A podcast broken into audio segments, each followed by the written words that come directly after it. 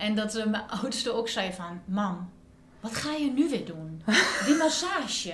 Maar echt Mariska, dit is zo helend werk als je hiermee aan de slag gaat. Met je eigen seksualiteit. De essentie is dat jij een heel lang, gezond, vitaal leven houdt.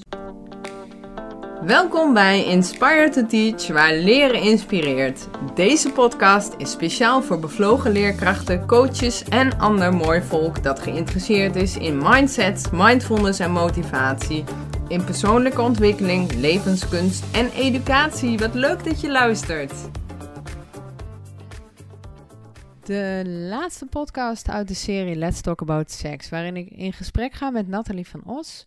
En Nathalie is yogadocente. Ze woont in Denenkamp, wat een prachtig dorpje is in Twente. Ze heeft ook het bijpassende Twentse accent. Ik vind het fantastisch. En um, ja, het is niet makkelijk om in een dorpje te wonen en je bezig te houden met seks. We spreken over porno, over hoe je dat doet met opgroeiende kinderen niet hoe je porno doet, maar als je het hebt over seksualiteit, over respect voor het vrouwenlichaam, over je eigen seksualiteit als je vrouw bent.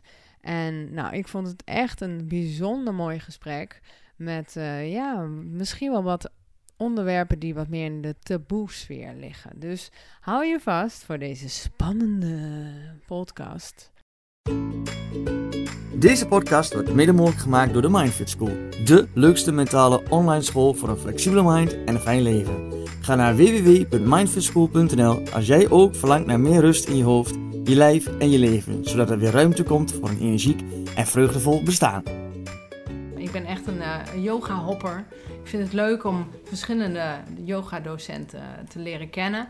Uh, maar jij bent wel een hele aparte. Want wat jij doet, maakt me heel nieuwsgierig en ik wil delen met meer mensen. Maar voordat we verder over jou praten en wat je doet, wil ik eerst de vraag stellen: welke leerkracht vergeet jij nooit meer en waarom? Ja, dat is een leerkracht die had ik in groep 3. En ze heette Juffrouw Twischa. Zij leeft nog steeds. En uh, heel af en toe dan zie ik haar nog, want zij woont hier in het dorp. En ik vergeet haar niet omdat ze op dezelfde dag jarig is. Oh. Dus we vierden altijd de verjaardag uh, samen. En ondanks dat ik in andere groepen zat, dan nog um, vierden we samen de verjaardag. Dus dat was heel bijzonder. Ja, en zij was echt een leerkracht die je aanvoelde. Die kinderen aanvoelde. Um, dat je het gevoel had dat je gezien werd, dat je gehoord werd.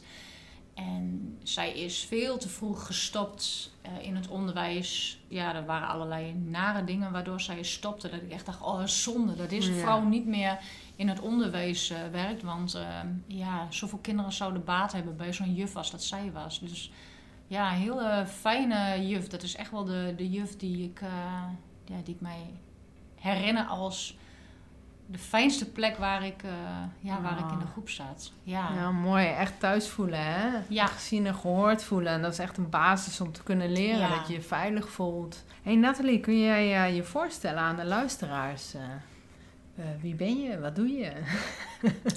ja, dat is interessant. Wie ben je? Nou ja, mijn naam is inderdaad Nathalie. En ik heb een eigen bedrijf, Magical Movements. Wat ooit begon als de Droomboom in 2008 eh, ben ik begonnen met het geven van uh, kinderyoga-lessen. Heb ik een opleiding gevolgd tot kinderyoga-docent.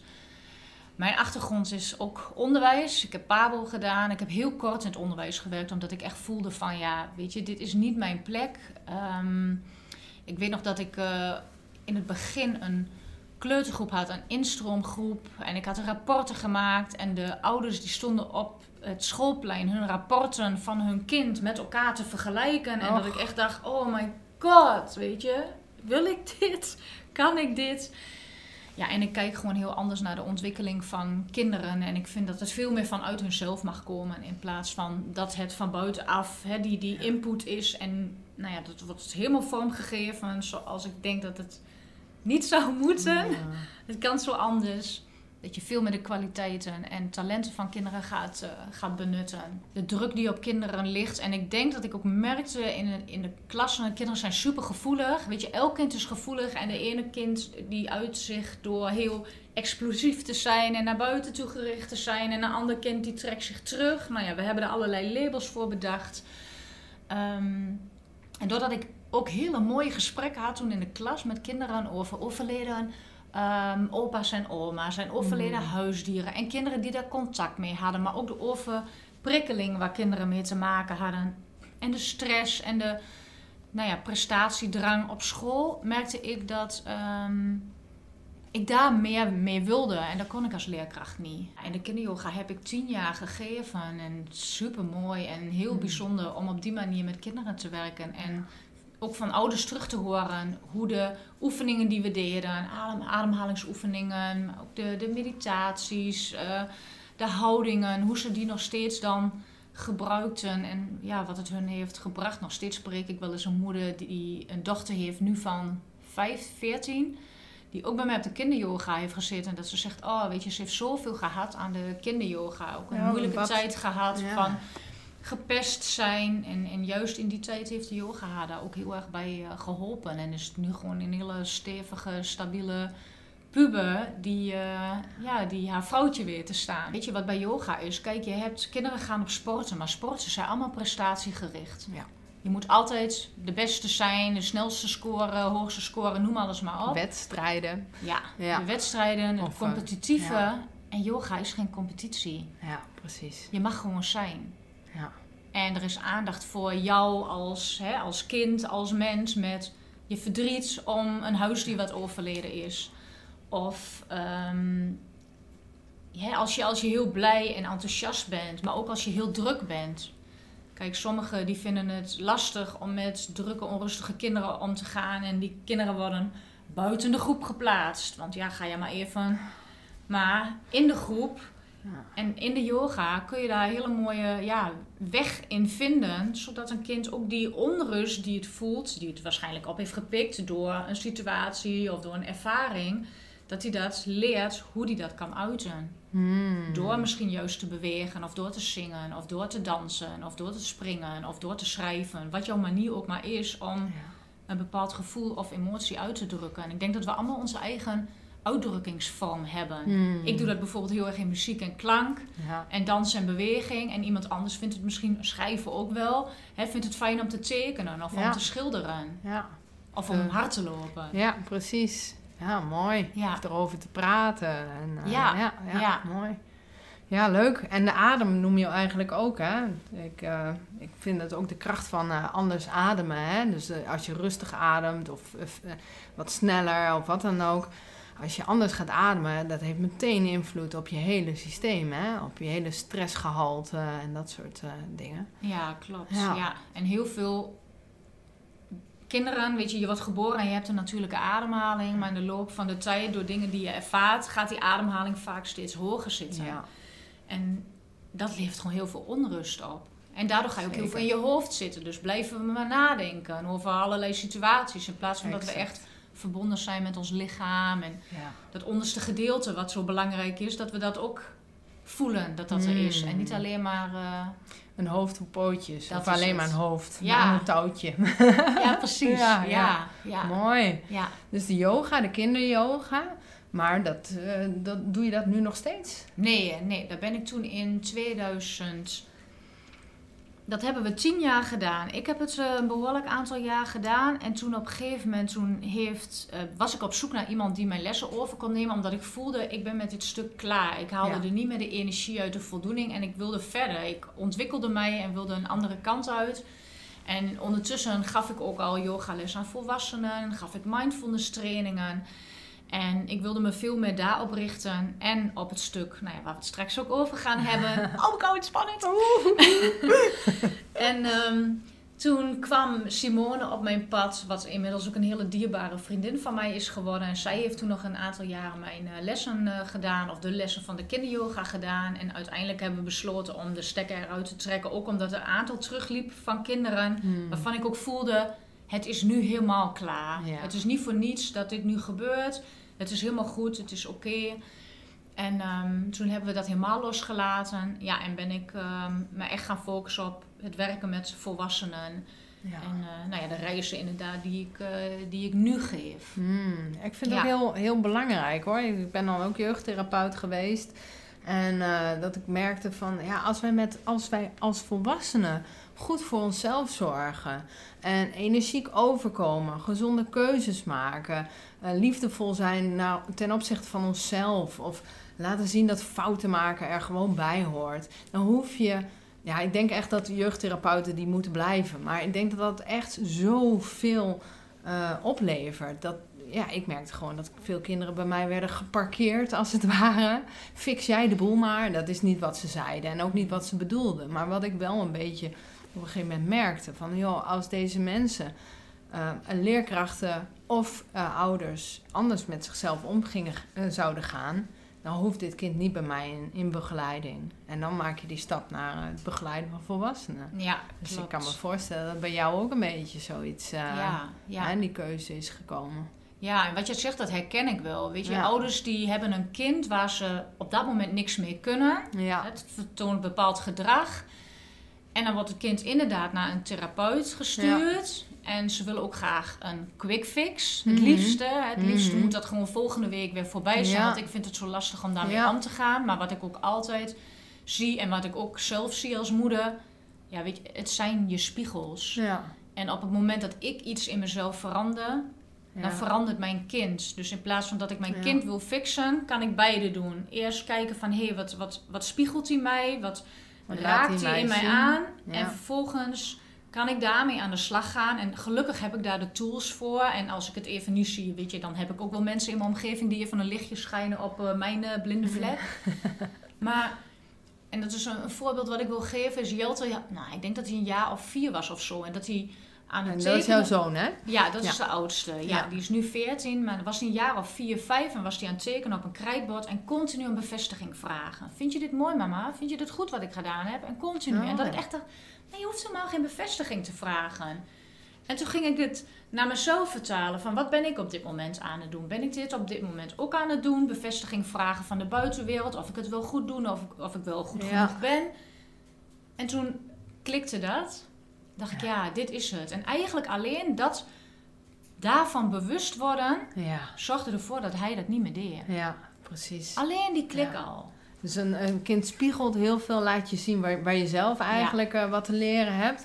Maar ook heel vaak het omgekeerde. Hè? Dat een, bijvoorbeeld een, eh, een, een kind op de tenen loopt, een bevestiging zoekt, omdat je zelf heel oordelend bijvoorbeeld bent eh, naar jezelf en je omgeving. En dat een kind zoiets oppikt. Dan Ja. Hoe dan ook, het kind laat het zien. En, trouwens, niet alleen kinderen, ook je huisdieren Ja, en je partner. ja Ook ja, de mensen met wie je omgaat. Ja. klopt. Ja, dat is het. We zijn allemaal spiegels van elkaar. Ja. Ja, Maar het is wel een pijnlijk proces hè, om, dan te laten, om, om, dat te, te onderzoeken voor sommige mensen. Ik vind het altijd, die inzichten, die- ook als ze pijnlijk zijn, dan denk ik altijd, oh yes, wauw, wat een inzicht. ja, Hè? ja. Ja, En iemand anders Ja. die rent er het liefst voor weg. ja, ja. Ja. Maar ja, ik krijg ook het liefst natuurlijk applaus, hoe geweldig, ik- hoe geweldig ik wel niet ben natuurlijk. Maar ja, Ja, precies. maar ja, er valt zeker wel eh, elke keer wat te leren. Ja. Het mooi dat je er zo voor open staat. Ja, Oké, eh, dus ehm, de stap naar volwassen yoga waren we gebleven. En, eh, en toen? ja dat heb ik... eh poeh, hoe lang heb ik dat gedaan? Ja, eigenlijk tot 2020. Want vorig jaar ben ik gestopt met het geven van de fysieke lessen zoals ik ze gaf. Weet je, de vorm die ik gaf is een combinatie van Hatha, Raja, als je het zeg maar, nou ja, wil labelen. Maar ja, goed, met mijn eigen sausje, met heel veel Hatha. Raja, yoga. Ja, Ja, ja. ja. En Ik doe net alsof ik het niet weet, hè? voor de luisteraar. heel goed, Hè, dankjewel. wat zegt ze nou? Ja, klopt. En ehm, met mijn eigen sausje, weet je wel, met mijn muziek, met de klanken, Ja. met de mantra's. En vorig jaar, nou ja, doordat we natuurlijk te maken hadden met allerlei maatregelen die in één keer uit de lucht eh, kwamen vallen, merkte ik dat ja, er gingen mensen stoppen. Stoppen vanwege, oh, ik heb het niet meer nodig, want Ja. alle verplichtingen vielen weg. Dus Ja. er was rust. Ehm, doordat mensen een baan kwijtraakten, waardoor het financieel niet meer kon. Doordat mensen voelden van ja, ik wil niet alleen maar online. En daardoor eigenlijk de zin in de yoga kwijtraakten. Ja. Ehm, nou ja, allemaal uiteenlopende redenen. En toen voelde ik al wel een tijdje van, hmm, wil ik, haal ik hier nog de passie en de voldoening uit? Eh, ik was ondertussen was ik al gestart met nou ja, de richting van de heilige seksualiteit. Het werken Mhm. met het Joni-ei. Dus daar Ja. was ik al mee, eh, mee begonnen in een drie maanden programma wat ik had ontwikkeld. En ik voelde dat ik dat stuk, ik, ik ga gewoon heel graag de diepte in met mensen. En ik merkte dat ik op het vlak van de fysieke yoga zoals ik die gaf, dat was voor men, mensen heel fijn. Ik had eigenlijk ook alleen maar vrouwen. Ik heb in de afgelopen jaren in totaal twee mannen ooit op de yoga gehad. Aha. Dus allemaal vrouwen wil wat ik aantrek. Maar ik merkte dat ik daar dus niet meer de voldoening uit haalde. Want ik vind juist die diepte ingaan, Ja. vind ik heel fijn. Ik hou ervan dat mensen echt een transformatie doormaken. Mm. En, ehm, Niet dat het een soort sportschool yoga ja, is. precies. Ja. Ja. En mensen vonden het heel fijn in die zin van... Oh, als ik het een week niet gedaan heb, ja, dan merk ik het wel hoor. Dan is Ja. mijn lichaam toch wel stijver dan wanneer we gewoon de yoga doen. Maar ik vind, ja, ik kijk nog meer... Weet je, ik, ik hou van de diepte ingaan. En ik hou van nog meer transformatie Ja. en verandering. En ehm, ja, toen heb ik besloten, zowel omdat het financieel gewoon niet meer haalbaar was... Mm. Maar daar loop je heel lang tegenaan te hikken. Want dat was het laatste wat ik losliet van dat oude. Nou, dat was echt wel een dingetje. Ja. En dan inderdaad mensen in mijn omgeving vragen van... Ja, en dan alle cijfertjes onder elkaar. Ja, nee Nathalie, dit kan echt Je niet moet meer. stoppen. Die Nee, studio moet weet weg. je wel, dit moet Ja. gewoon stoppen. Want je hebt een vaste huur voor Ja. zo'n studio en mensen komen dan niet, want het kon dan niet. En dingen waren, hè, we moesten allemaal in lockdown en alles. Maar ja, de kosten lopen wel door dus. Ja, Nou, eigenlijk wist je het wel, maar de stap om dan te zeggen, nou ik ga dit, eh, dit stuk achter me laten. Het voelt alsof je je kind uit huis gaat of zo, hè? Ja, klopt. ja, dat was echt het laatste stukje van het oude wat ik dan losliet om, om Ja. echt in het nieuwe verder te gaan. Oh, zo herkenbaar. Toen Ja. ben je in praktijk als jeugdtherapeut eh, sloot. Oh, dat was echt wel een dingetje. ja. Ja, ja. ja maar en, en als het dan eenmaal is gezet, dan, dan die soort opluchting van wauw, hè, oh, het is toch wel fijn. ja, En eh, ja, dan kun je weer richten op het volgende. Hè? ja, klopt. Ja. Ja. Come on. Let's talk about sex, baby. Let's talk about you and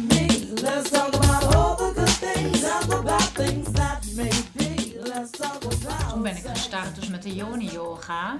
Nou, Yoni is een ander woord voor vulva, vagina. Het is een Sanskriet woord. Dus een- Mhm. de oude Indiase taal. Wat staat voor heilige tempel, Ja. heilige poort. En ja. ja, echt gericht op het verbinden met je hele bekkengebied. Met je Yoni en met je vrouwelijke energie. Hmm. Vrouwelijke kracht. Veel meer in zachtheid, veel meer in yin komen. In plaats van hè, continu maar door willen hollen en, en alle ballen omhoog willen houden. Ja, kun je uitleggen wat is yin dan? Ja, als je, nou misschien kennen mensen het yin en yang verhaal. Ja. En dat wordt dan verbonden met het mannelijke en het vrouwelijke. Het yang is het mannelijke en yin is het vrouwelijke. Maar je moet het niet zien als in vrouw, als in vrouw-mens, zeg Ja. maar. Maar in, in echt in energie. Hmm. Dus als je het hebt over yang-energie, dan is het heel doelgericht, hè, prestatie en actie. En als je kijkt naar yin, dan is het veel meer een overgave, de zachtheid, hè, veel meer het ontvangende. Hmm. Het yang is veel meer het gevende. En ehm, ja, tijdens de yoni-yoga gaat het ook echt over dat je meer kunt ontvangen. En heel veel vrouwen vinden het sowieso heel lastig om te ontvangen. En om echt je hoofd, je hart en je bekken met elkaar te verbinden. Ja, ik denk ook, eh, hè, we zijn natuurlijk ook best wel in een maatschappij waarin prestatiegerichtheid eh een hoge waarde is. Hè, laten zien hoe druk je bent. Ik denk wel dat dat nu ontzettend aan het veranderen is. Maar ja, dat kan ook mijn eh, bubbel zijn waar ik natuurlijk in zit. En, eh, en dat het heel mooi is dat we, eh, en niet alleen dat ontvangen, maar wat ik veel met mijn cliënten zie, is dat we heel erg in, de, in die controle dan zitten. Hè? En perfectionisme is eh, vaak een thema. Uh, mensen in een burn-out, die komen niet voor niks in een burn-out terecht. Dan zit je dus in dat, nou, huppakee, nog even een tandje bijzetten. Niet lullen, maar poetsen. Hmm. En uh, vooral niet zeuren en, uh, en, en niet, vo niet voelen. Ja. En, en, vanuit die controle dus ook niet meegaan, niet flexibel zijn. In, kijk, wat ik, wij hebben in het voorgesprek gezegd van, nou, ik heb net corona gehad. Ik merk dat ik wat moe ben. Ik heb de neiging om door te gaan en te denken, ja, pff, zo gezeur. Ik moet de rapporten nog afkrijgen, dit en dat. En, maar daarin dus flexibel zijn. Oké, okay, mijn lichaam heeft dit nodig. En hoe moeilijk het ook is, dan betekent dat ik dus vroeg naar bed ga. Dat betekent dat ik andere keuzes maak. En dat is heel moeilijk. Ja. Vooral als je dus, wat je zegt, in die, eh, die yang, eh, yoga, of yo- yang eh, energie heel veel Ja. zit. In dat presteren, in dat Ja. doen. Ja. Ja, en daar zitten heel veel vrouwen en mannen in, maar ook heel veel vrouwen in. Terwijl dat eigenlijk heel onnatuurlijk is. Het is eigenlijk veel meer de bedoeling om mee te stromen. ja. Ja, Ja, en dus mee te stromen in, in gewoon weg wat er dus is. Hè? Ja. Dus niet vechten tegen, ja, ik zeg dan wel vaak, en dat komt vanuit het boeddhisme, hè? de werkelijkheid is dit, maar je wil dat. En als dan een groot verschil zit daartussen, tussen wat er werkelijk is en wat je eigenlijk zou willen. Ik zou nu willen dat ik bruis van de energie, dat ik alles aan kan, dat ik 12 uur op een dag kan werken en, en eh, helemaal wauw, zo geïnspireerd, dat zou ik willen. Maar de werkelijkheid is dat, dat, dat ik na zes uur helemaal afknap. Nou, en als ik daartegen vecht, dan heb je lijden met een lange ei. Hè? En Ja, dan, klopt. dan loop je tegen de werkelijkheid te Ja. vechten. ja, En dat is wel iets wat ik heel veel zie. En jij dus ook, hè? Ja. Bij de mensen met wie je werkt. ja, Ja, ja. Ja, En mooi. ik, en ik merk dat ook bij mezelf. Weet je, het werk wat ik doe is ook Mhm. heel veel energetisch werk. Dus ik heb gewoon ook echt ruimte en tijd nodig voor mezelf om te rusten. Dus ja, ik lig ook wel regelmatig 's middags gewoon even op de bank en doe ik mijn ogen zo. dicht. Ja. Ja, Ja, maar ik denk ook dat jij een heel gevoelig of sensitief persoon bent. Hè? Ja. En eh, dus als je veel prikkels binnenkrijgt en heel veel dingen opvangt, wat, wat ook heel veel leerkrachten en hulpverleners hebben, want die kunnen goed aansluiten bij, eh, hè, bij hun doelgroep, dat het ook nodig is om die rust te pakken. Maar ja, we moeten zoveel. En wat je, waar je het gesprek mee begonnen, al die eisen en de toetsen en het eh, registreren. Ja, daar is niet, eigenlijk niet altijd de ruimte voor. Maar ja, het moet hè, Ja. denk je dan. Ja, klopt. Ja, Ja. ja. Dus maar mooi. En ehm, ja, dus en wat, wat ik heel veel zie bij mensen die dus veel van zichzelf eisen, eigenlijk chronisch meer vermoeid zijn, maar dan Mhm. koffie gaan drinken Ja. of een wijntje s'avonds, dan kunnen ze nog iets langer door en zo. En ach, ik verdien die ontspanning. En dat is dan het verhaal wat ze Ja. zichzelf vertellen. Wat ik helemaal snap, geen oordeel, maar ja, dat je dan s'avonds, eh je, je hebt weinig contact met jezelf, maar je hebt ook weinig contact met misschien wel je partner. En, en zeker seks, daar, ja, pff, daar heb ik dan echt geen, eh, geen zin in. eh. Ja. Zo, ik ben moe, televisie aan, op de bank ploffen. En dan kom jij aan met je yoni yoga. Let's talk about sex. Zowel met de yoni yoga, de oefeningen die we daarin doen, maar ook in de drie maanden reis, waarin ik dus vrouwen begeleid om te gaan werken met een yoni-ei. En een yoni-ei is dus een ei wat je in je vagina ook in kunt brengen, maar dat plop je er niet zo in als een tampon, weet je wel, zo heel functioneel van oké, nou heb ik hem erin en eh, nou, ga Ja. met die banaan, dan ga ik mijn huis poetsen. Nee, dat gaat echt, weet je, ik werk heel erg met rituelen en ceremonies, omdat, eh, om dat zeg maar, ehm, nou ja, te ondersteunen, zodat je daar ook het meeste uithaalt.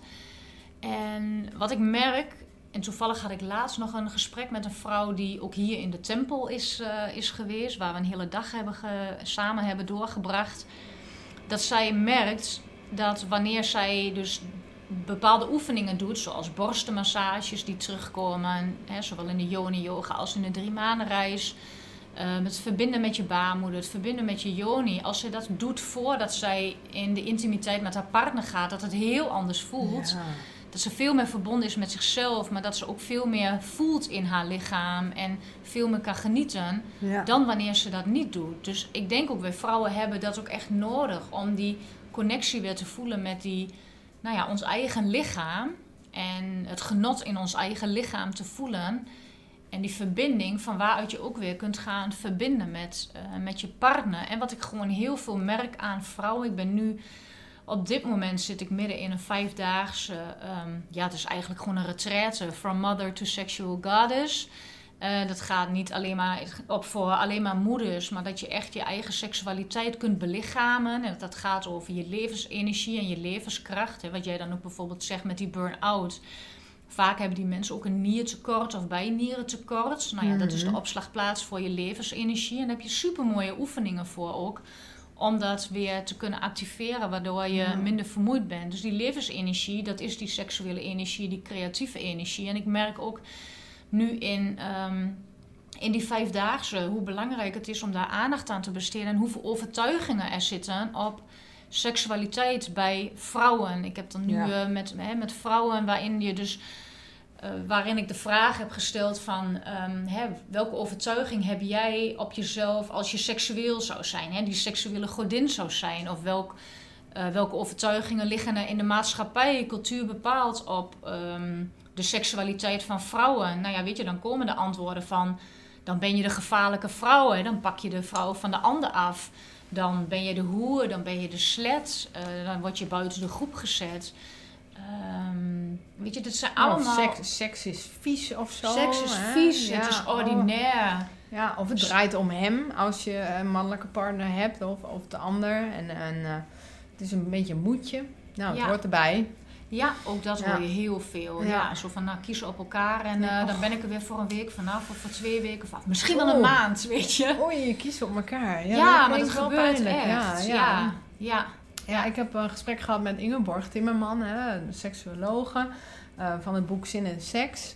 En eh, ja, die zegt ook, ja, seks hoort eigenlijk heel leuk te zijn, heel ontspannen. En we hebben dingen geleerd en, en dingen meegemaakt, waardoor je dat soms helemaal nooit hebt, hebt ervaren. En eh, ja, zij leert ook mensen daar weer een stukje plezier en eh, ook die ontspanning. Maar wat jij ook zegt is, op het moment dat je alleen maar in je hoofd zit... Mhm. Hè, en je moet van alles. En dan kun je er eigenlijk ook niet van genieten. Nee. En dus die oefeningen van het borstenmassage en jezelf voelen en eh, jezelf strelen of, eh, of je laten strelen of iets dergelijks, zorgt ervoor dat je uit je hoofd bent en, en echt gaat voelen. Ja. En want dan kun je er echt van genieten. Ja, Ja. En, en wat ik gewoon heel belangrijk vind, is dat vrouwen dat zelf ook gaan voelen. Dus ik heb wel eens genoemd tijdens de yogales toen ooit van over borstenmassages. En toen zei iemand van, ja, dat doet mijn, eh, mijn man wel. Die masseert mijn borsten wel. Ik zeg, nee, maar het gaat erom dat je ook jezelf, weet je, dat je Ja. zelf je borsten aanraakt. Want je borsten, die zijn verbonden met je hartcentrum. Hè, dat, dat is zo belangrijk om juist contact te hebben met je borsten. Heel veel vrouwen hebben ook daar weer in een negatieve verbinding met hun borsten. Want ze zijn niet mooi genoeg, niet zo groot genoeg. eh, de vorm is niet goed, zijn ongelijk. En ook weer allemaal vanuit de ehm, beelden die wij meekrijgen. Vanuit Ja. hoe vrouwen horen, eruit horen te zien. Hoe borsten eruit horen te zien. Ja. En daar hangen wij ons eigen lichaamsbeeld aan. En ik vind persoonlijk dat dit veel meer bij vrouwen gebeurt dan bij mannen. Ja. Vrouwen moeten bepaalde borsten hebben, moeten bepaalde omvang hebben. Hun haar, nou tegenwoordig shapen ze van alles in je gezicht, Ja. weet je wel. Je bent niet meer mooi genoeg. Er moeten allerlei, eh, allerlei technieken aan te pas komen. Wil jij eh, Instagram waardig zijn? Ja, Ehm, dan hebben we het over vulva's, weet je. Je mag geen uithangende binnenste schaamlippen hebben. Labia. Ik vind schaamlippen ook vreselijk woord. dus schaamlippen. Schaam jij je niet? Ja, precies. Dat. Ja. En dat daar ook die eh, aantal operaties die gewoon stijgen. Dat vrouwen hun eigen eh, ja, laten verminken eigenlijk. Om, Ja, kwam gisteren thuis en die zei van, wist jij dat er ehm 1 op de 3000, v- met name vrouwen, die hun billen dus laat liften of vullen of zo, dat schijnt dus echt helemaal hip te zijn om dat te Mhm. doen, die sterft tijdens de operatie. Hij zei, dat moet toch verboden worden? Waarom wil je dat zo graag? Exact. Op wie wil je lijken? Ja. Wie wil je zijn? Ja. En waarom ben jij zelf niet goed genoeg? Exact. Ja. En het is echt denken, maakbare wereld Ja. nu, hè? En ik moet dan denken aan eh eh Faya Laurens. Die heeft onlangs haar borstprotheses laten verwijderen. Ook omdat ze lekte, maar ze had volgens mij geen klachten, wat ik begreep. Maar dat zij echt voelde, ik heb ze niet meer nodig. Maar zij nam het ook omdat zij gevoed werd vanuit de media met hoe een vrouw hoorde te zijn. Nou ja, zij is natuurlijk ook een tv-persoonlijkheid. En ze zegt ook van, Ja. het heeft mij ook heel veel opgeleverd, mijn lichaam. Het brengt je ook op een bepaalde manier ergens. Maar ze voelde nu wel van, ja nee, ik heb het niet meer nodig om mezelf mooi te voelen. Of om die bevestiging te krijgen. Weet je, ik voel het van binnen. En Ja. dat is uiteindelijk, denk ik, ehm, de weg. ja. En niet de maakbaarheid door inderdaad je billen te laten vullen en je borsten te laten doen en je, en je, ja, je, je binnenste labia te Ja. laten verwijderen, omdat je dan een porno-kut hebt, weet je? Want Ja. dat is het. Ja, dat klopt. Dat zien we. ja. En, dat is, en, en wat ik ook, en dat wil ik ook echt benoemen, Want ik heb ook ooit een meisje gesproken waarbij jongens dus commentaar hadden op hoe zij er van onderen uitzag. Dat het niet normaal was. En zij had daar zelf al een bepaald beeld bij. Dus dat werd ook nog eens gespiegeld. Nou ja, weet je, toen ik dat hoorde, heb ik ook echt mijn eigen jongens gezegd: als dit ooit gebeurt, Ja. never nooit Ja. dat jullie daar kritiek op gaan hebben. En ik heb een heel mooi boekje, dat heet Oh. Kurdoshka volgens mij. En daar staan verschillende soorten vulva's in, verschillende vormen penissen in, want ook daar hebben mannen vaak onzekerheid over. Zeker. Met ehm, een soort archetypes. Dus je bent voor- bijvoorbeeld een catwoman of een bearwoman. En daar hoort dan een hele karakterbeschrijving bij. Maar ook wat jou genot brengt en wat jou... Denk ik, ja, weet je. En toen Oh, heb ik ze dat ook laten zien. Weet je, Ja. er zijn verschillende Ja. vormen en maten. En alles is oké. maar waag het niet. ooit. Als je samen bent met een vrouw, met een meisje. Commentaar te gaan Maar het- ik snap het wel. Die jongens en meiden die hebben nu onbeperkt toegang tot porno. En ja. eh, je, je bent toch een beetje zoekende. Je gaat het Ja. opzoeken. Bedoel, vroeger hadden wij gewoon een boek eh, over het, het, het lichaam en dergelijke. Je ging een keertje in de biepstiekem misschien kijken. Maar, eh, of een tijdschrift. Maar daar bleef het bij. Maar, en je ziet die beelden. En, en dat wordt dan normaal. Zorgelijk. En, eh, ja, Echt. echt. Daar maak ik me ook zorgen over. Ik heb er wel een, een TED-talk over van iemand gezien. Ik weet niet meer. Ik zou het even opzoeken. Kijken of ik het kan vinden. Over nou ja, de eh, seksuele beleving van jongeren. En wat ze nu doen waarvan ze zeggen... Er was één ding waar echt wel van schrok was dat een meisje zei... Ik weet niet zeker of hij van me houdt, want hij wurgt mij niet tijdens de seks. Kijk, als dat is wat je prettig vindt, Mm. hè, dan... eh, we hebben allemaal onze voorkeuren. ja. Maar dat je dan denkt van ja, maar zo hoort het. En je hoort als Ja. vrouw zo behandeld te worden. Ja. Omdat hij dan echt om mij geeft. Ja. Ja, ik vind dat wel een beetje... En nou, ik denk wel dat dat wel ergens een uitzondering is. Tenminste, dat wil ik graag geloven. Maar Nou, maar weet Ja. je, dat, dat is het niet, Mariska. Nee. Want ik kijk dus voor mijn werk kijk ik ook eh, porno. oké, vertel meer. Maar, en ik zie dus ook, en waar ik vroeger ook in mijn, in mijn puberteit, nou, heb ik ook wel eens boekjes en zo gezien. Ik bedoel, toen was er geen toegang tot internet, wat je nu hebt met verschillende sites. Maar echt, Mariska, die vrouwen, die worden geklemd in hun Ja. hals tijdens de penetratie. En je ziet dat alsof dat normaal is. En ik Ja. voel alleen maar walging. En ik voel vaak gewoon verdriet als ik naar die beelden kijk. Dat ik denk, dit is wat mijn kind te zien krijgt. No way dat jij ooit een vrouw tijdens de seks op die manier echt de Mhm. keel dichtknijpt. En dan zie ik die beelden. En en ik heb ook echt beelden gezien. En die heb ik samen met mijn oudste gekeken. Van een meisje. Nou ja, weet je, ik, ik geloof echt dat dit meiden zijn van misschien 14, 15 jaar. Dus, en Pornhub is daar ook Hmm. op, over de vingers getikt door... ehm, nou weet ik niet meer welke organisatie dat is. Die zet zich ook in voor het bevrijden van meisjes in het buitenland. Ja. Ehm, maar goed, er zijn nog steeds beelden op. En dat was een meisje. Nou, volgens mij was ze echt compleet onder invloed. En het was zo ruw en zo pijnlijk en zo... En toen zei ik tegen mijn oudste, ik zeg... Zie jij dit? ook?" Nee, zegt die mama, daar kijk ik echt niet naar. Dit vind ik echt heel erg. Maar dit is ook wat kinderen zien. Ja.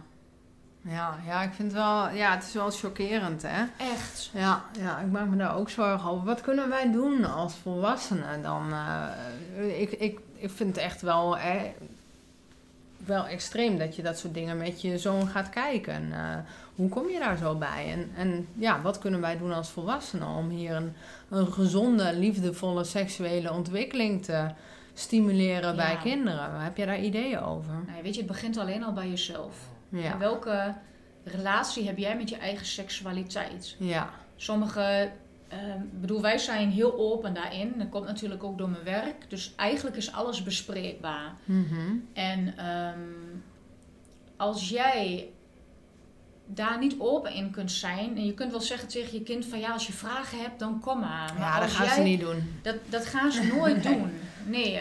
En op een gegeven moment kwam bij ons dan ook inderdaad dat, dat porno-verhaal voorbij. Omdat je weet van, ja, weet je, dat, daar wordt gewoon naar gekeken. En Ja. dat is oké. Ik snap ook dat ze dat op gaan zoeken. Maar wat ik belangrijk vind, is dat je ze wel een spiegel voorhoudt. Van, ja, dit is niet de realiteit. En ik snap wat, welk gevoel het geeft. Ik bedoel, als ik Ja. kijk wekt het ook wel een bepaald gevoel Ja, op. dat is wel een beetje een soort... Ja, er komt seksuele spanning eh ja, er gebeurt wat in je lichaam. Ja. Je lichaam gaat reageren. Ja. Maar wat heel belangrijk is, is dat je wel kijkt naar inderdaad hoe gezond is het om ehm, dit, met dit beeld van seksualiteit geconfronteerd te worden Ja. en dit als waarheid gaat, gaat aannemen. En ja, ik ben gewoon heel erg van het opengooien. Ja. En ik heb op een gegeven moment, omdat ik wist dat ja, hij wel dat soort dingen ook keek, eh, dat ik heel bewust die video waar ik zelf heel erg van schrok, samen met hem ben gaan kijken. Zo van, hé, hey, en dat niet helemaal, weet je wel, maar gewoon een klein stukje van, weet je, dit is niet oké. Ja, precies. Ja, ik vind het wel mooi, want je, je zegt eigenlijk al, ik wist dat hij het keek. Dus Ja, je gaat niet als, eh, als hij acht jaar is en hij is er bijvoorbeeld dan niet mee bezig, dan ga je het niet bespreekbaar maken. Dat is Nee, eigenlijk ja. wat je ook zegt, hè? Nee, nee, Ja, ik, heb, eh, ik, was, eh, ik was op wintersport met drie mannen. En er werd ook zo'n zo'n gek filmpje rondgegaan. En eh, nou, daar werd heel erg om gelachen. En ik werd eigenlijk een beetje boos. Eh, want nou, in mijn ogen werd, werd de, de jonge meid in kwestie vernederd. En ik ga er verder niet op details in. Maar ik vond het heel vernederend wat er gebeurde. En, en er werd om gelachen. Toen zeiden ze van, oh ja, ze, ze genieten wel van het. Ze genieten wel van. En toen zei ik van, ja, maar het feit dat zij je weet niet of ze doet alsof ze geniet. Er zijn zoveel meiden die toneel moeten spelen of denken dat het normaal is dat er zo met je om wordt ge- gegaan. En dan vanuit het pleasende van kijk mij eens even goed eh, mijn best doen hiervoor, Ja. lijkt het alsof ze ervan geniet. Dus ja, er zijn nog steeds verschillende seksuele voorkeuren. Hè? Ik bedoel, dat is gewoon zo.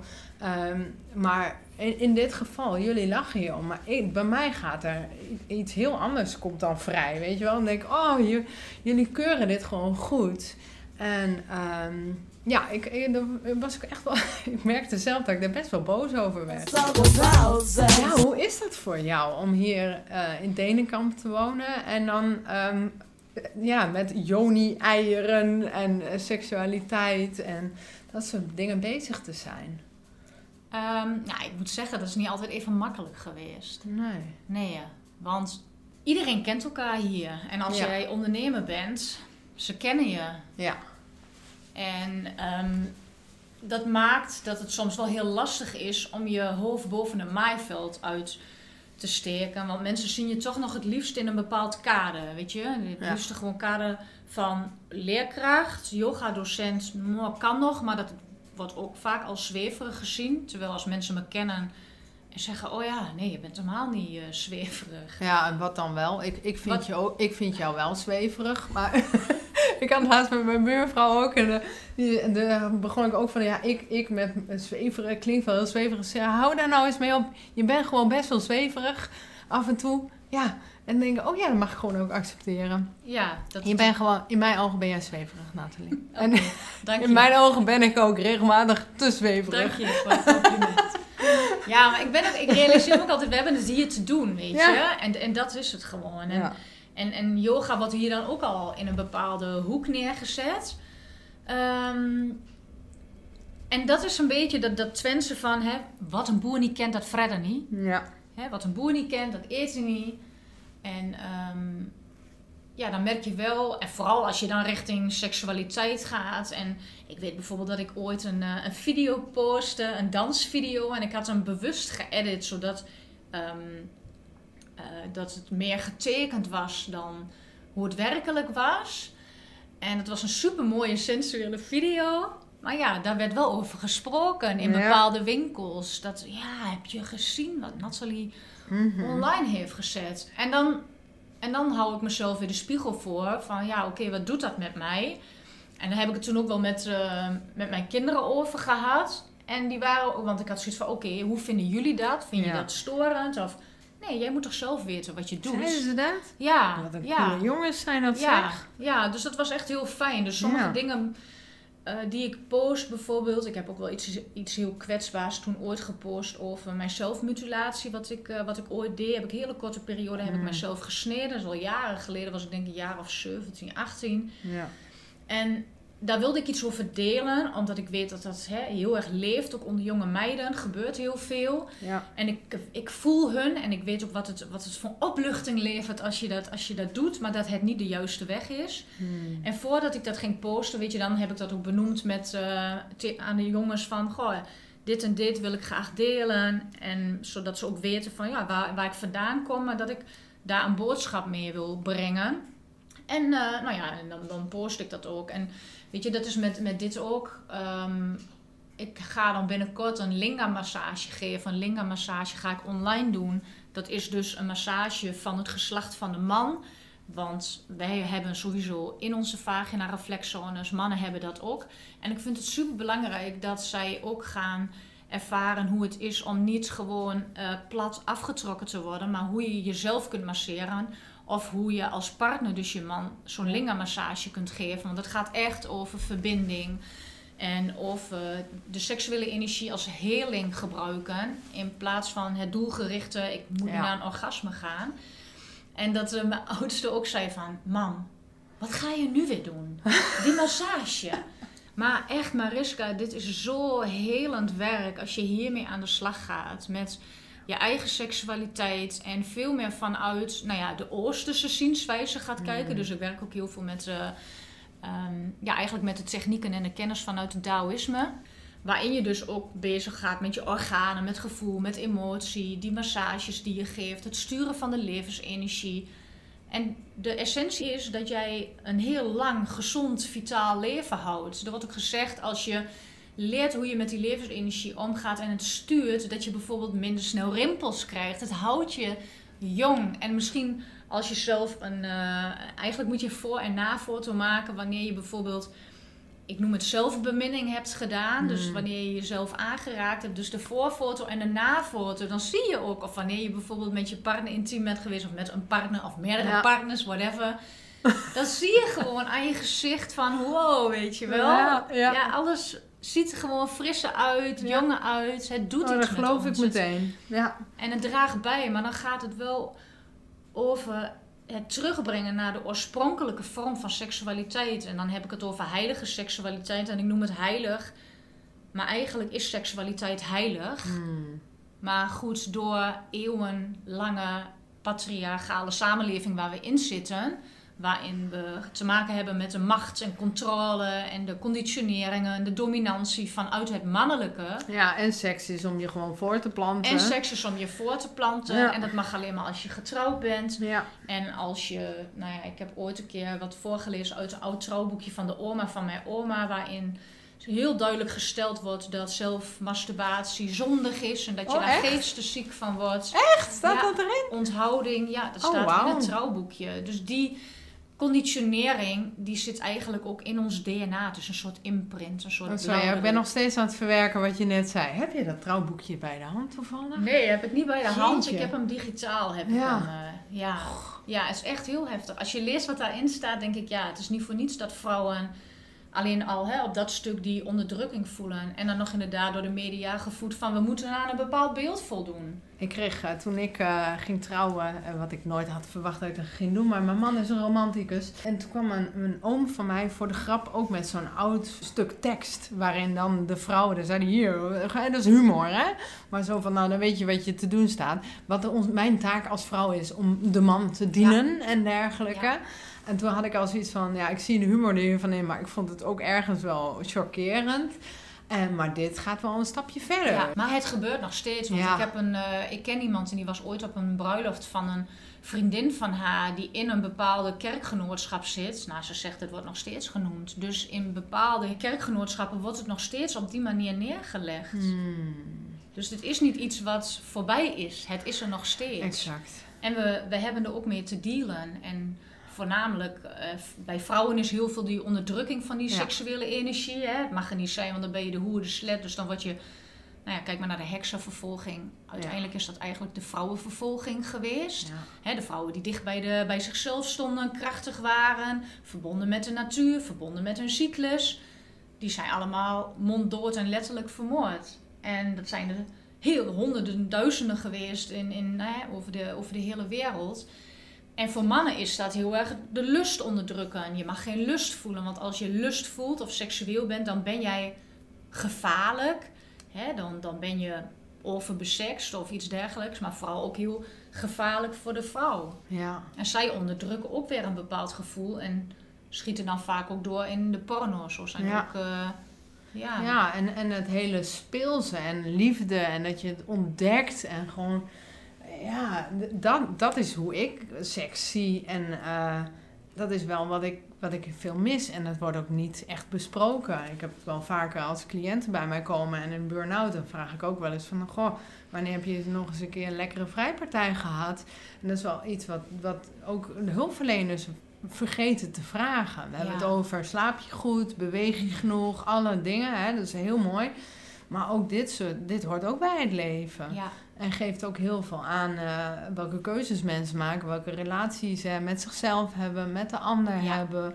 Ehm, ja, seksualiteit kun je overal opleggen. Hoe jij seksualiteit, je eigen seksualiteit en met Mm. een partner beleeft, dat zegt alles over hoe jij je leven leeft. Ja. Alles. Kun je in overgave zijn, kun je controle loslaten, kun je genieten. Ja, kun je uit je hoofd. Ja, kun je uit je hoofd. Ja, ja. ja. ja. Ja, kun je humor erin zien. eh, Ja, precies, ja. Jeetje. En Wauw. inderdaad veel meer vanuit die verbinding te voelen in plaats van iets wat een moedje is. Hmm. Of, en het doel loslaten, weet je. Oh. Het doel van penetratie loslaten, het doel van een orgasme loslaten. En dat vinden veel ook heel lastig, omdat dat ook de conditionering is van, oh ja, we moeten wel allebei het Ja. liefst tegelijk Ja. een orgasme Oh hebben. ja. ja, maar ik heb ook wel gesprekken gehad met mensen die, die gewoon er geen energie meer hadden. En ja, dus ook weinig eh, seksualiteit eh, samen beleefden. En dat, dat ze zei van, eh, ja, ik durf hem eigenlijk niet, niet eh, te knuffelen. Want dan voel ik dat hij meer wil Ja. en dat kan ik hem niet geven. En het dan daar niet over hebben, hè. Dus dat ik de mensen samen heb uitgenodigd om het erover te hebben. En dat we gewoon, kunnen jullie knuffelen, hè? elkaar aanraken, tegen elkaar aanzitten, zonder dat er een volgende stap is. Ja. Maar eerst is eventjes die kleine intimiteit weer vinden. En eh, ja, ik ben geen relatietherapeut of seksuoloog of zo, maar dit zijn wel wel die kleine basisdingen waar je het samen toch echt over moet gaan hebben. Ja, Van maar hé, hey, ik mis intimiteit. We zijn eh, papa en mama of zo. Hè? We, we- en, en meer niet, maar, of broer, zus of zo. Maar ik wil het zo graag hier vasthouden. Nou, ik ben bang dat jij meer wil dan. En Ja. dat zorgt ervoor dat ik, dat ik bij jou, hè, dat ik afstand hou. ja, En ja, dat zijn al hele mooie dingen, denk ik, die je, die je kunt bespreken. Want de ander voelt dat toch. ja, Die voelt klopt. toch die afstand. Ja.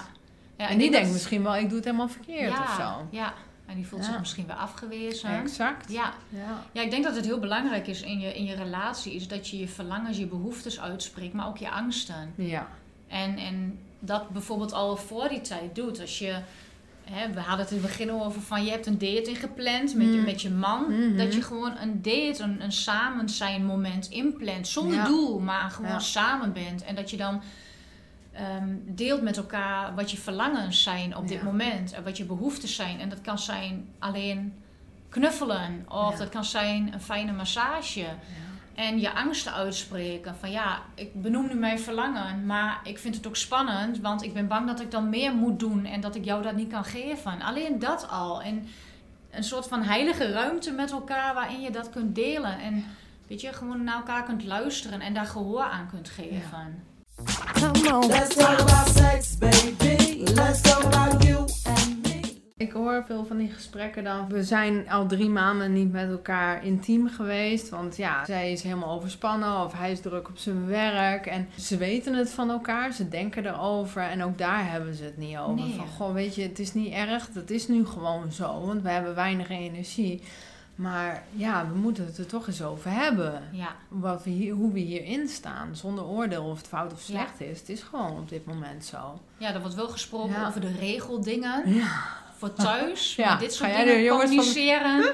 Al jij de jongens echt- op van de voetbal? Ja. Ja, ja. Ja. Terwijl dit is essentieel. En, en dat zie je gewoon heel veel. En ook in mijn werk.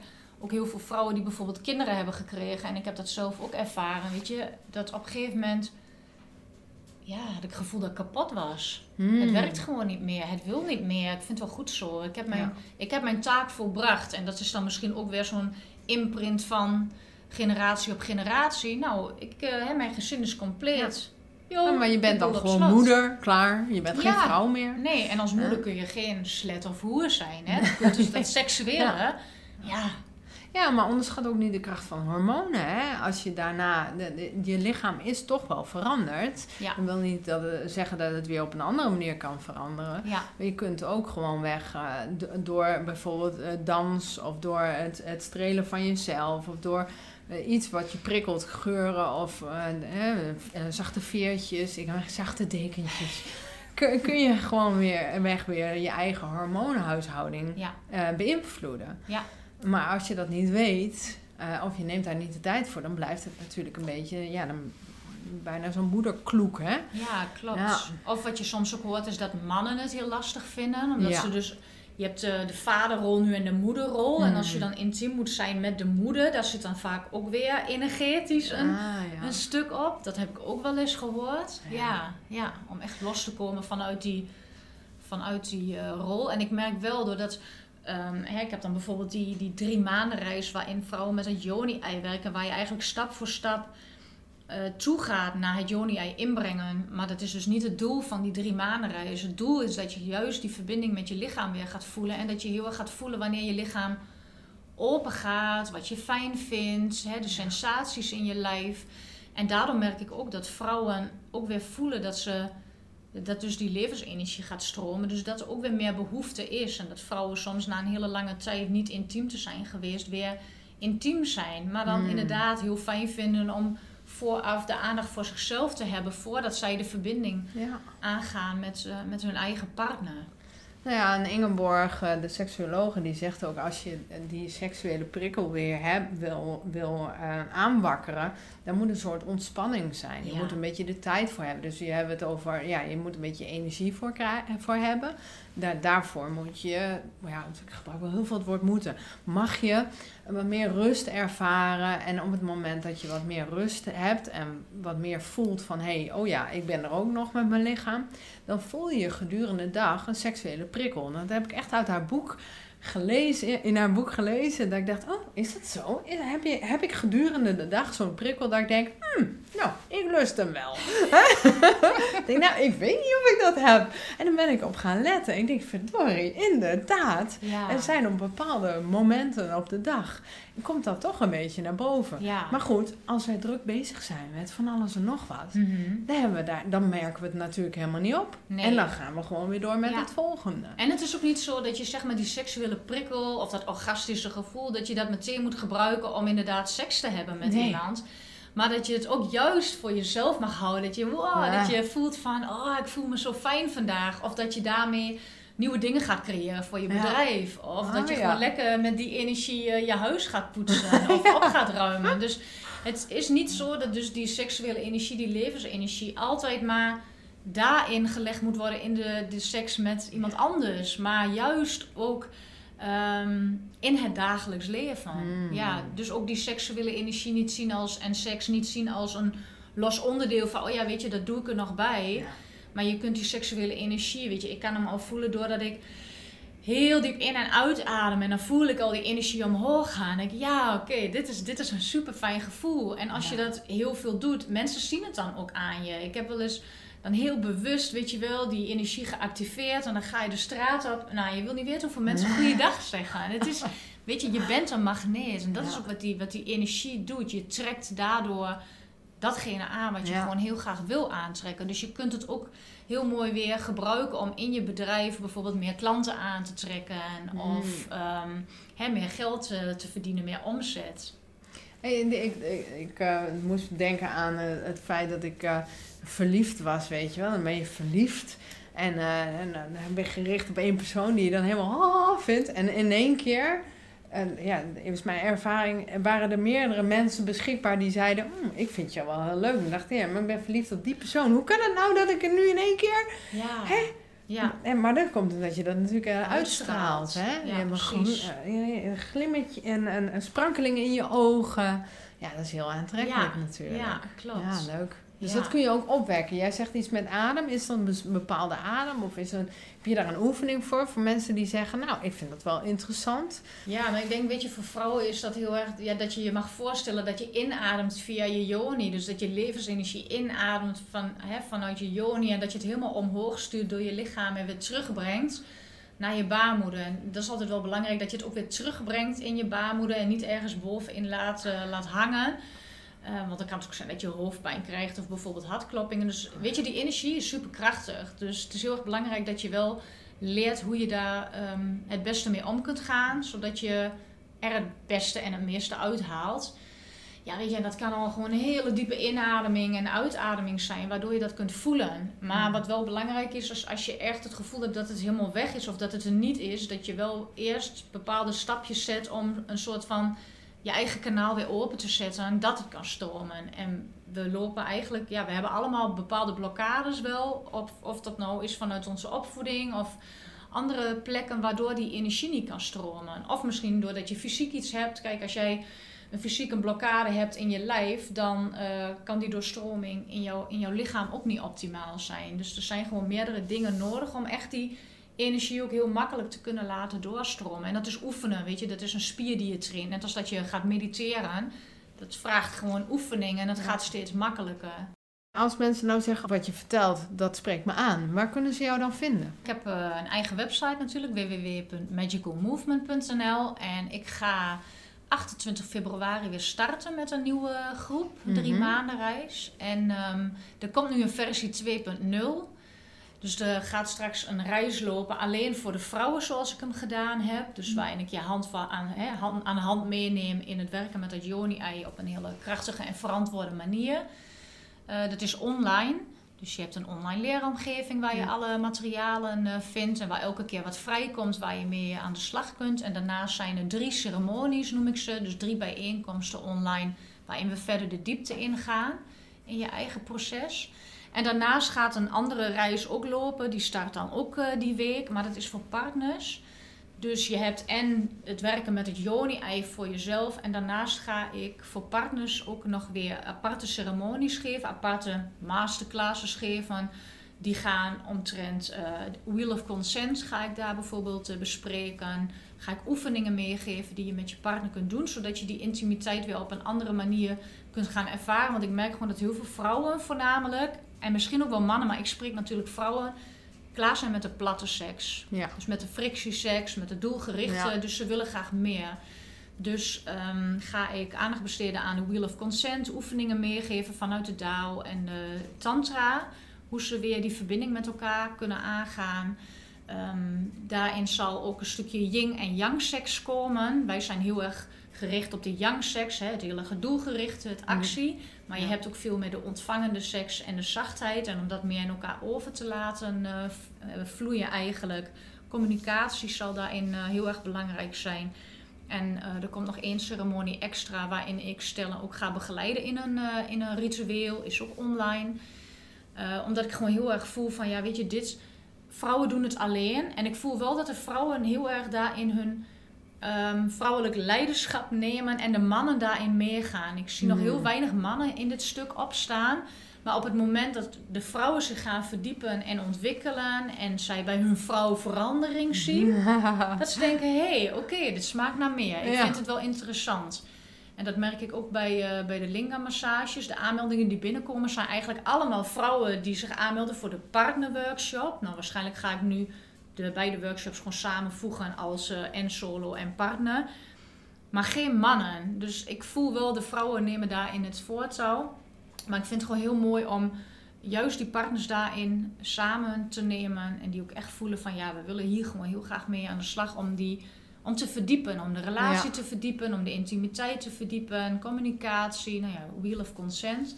Mooi. En daarnaast is het ook altijd mogelijk om met mij één op één te werken. Dus Ja. in deze tempel. Dus dat Ja, je echt een hele live dag hebt of een, eh, of een deel. En dan gaan we echt eh, kijken naar nou ja, hè, waar je tegenaan loopt. En dan Mm. werk ik met, eh, ook weer met die nou ja, aanraking, de kennis vanuit de Dao, de Tantra, maar ook ja, de, de kracht van klank en frequentie, stem, visualisaties. Ja, laatst had ik dus... Massage. Massage, Heerlijk. Ja, ja. Ja, en dan kun je hier lekker in naar Denenkamp, hè, het eh, prachtig Twents dorpje eh, Ja. naartoe rijden en jezelf eens een dag laten verwennen. ja Toch? precies. Ja, ja, ja. Ja, heerlijk. Instagram ben je ook actief? Ja, klopt. Ja, je kunt me vinden onder Nathalie van Os. Dus als je me daarop zoekt, dan Ja.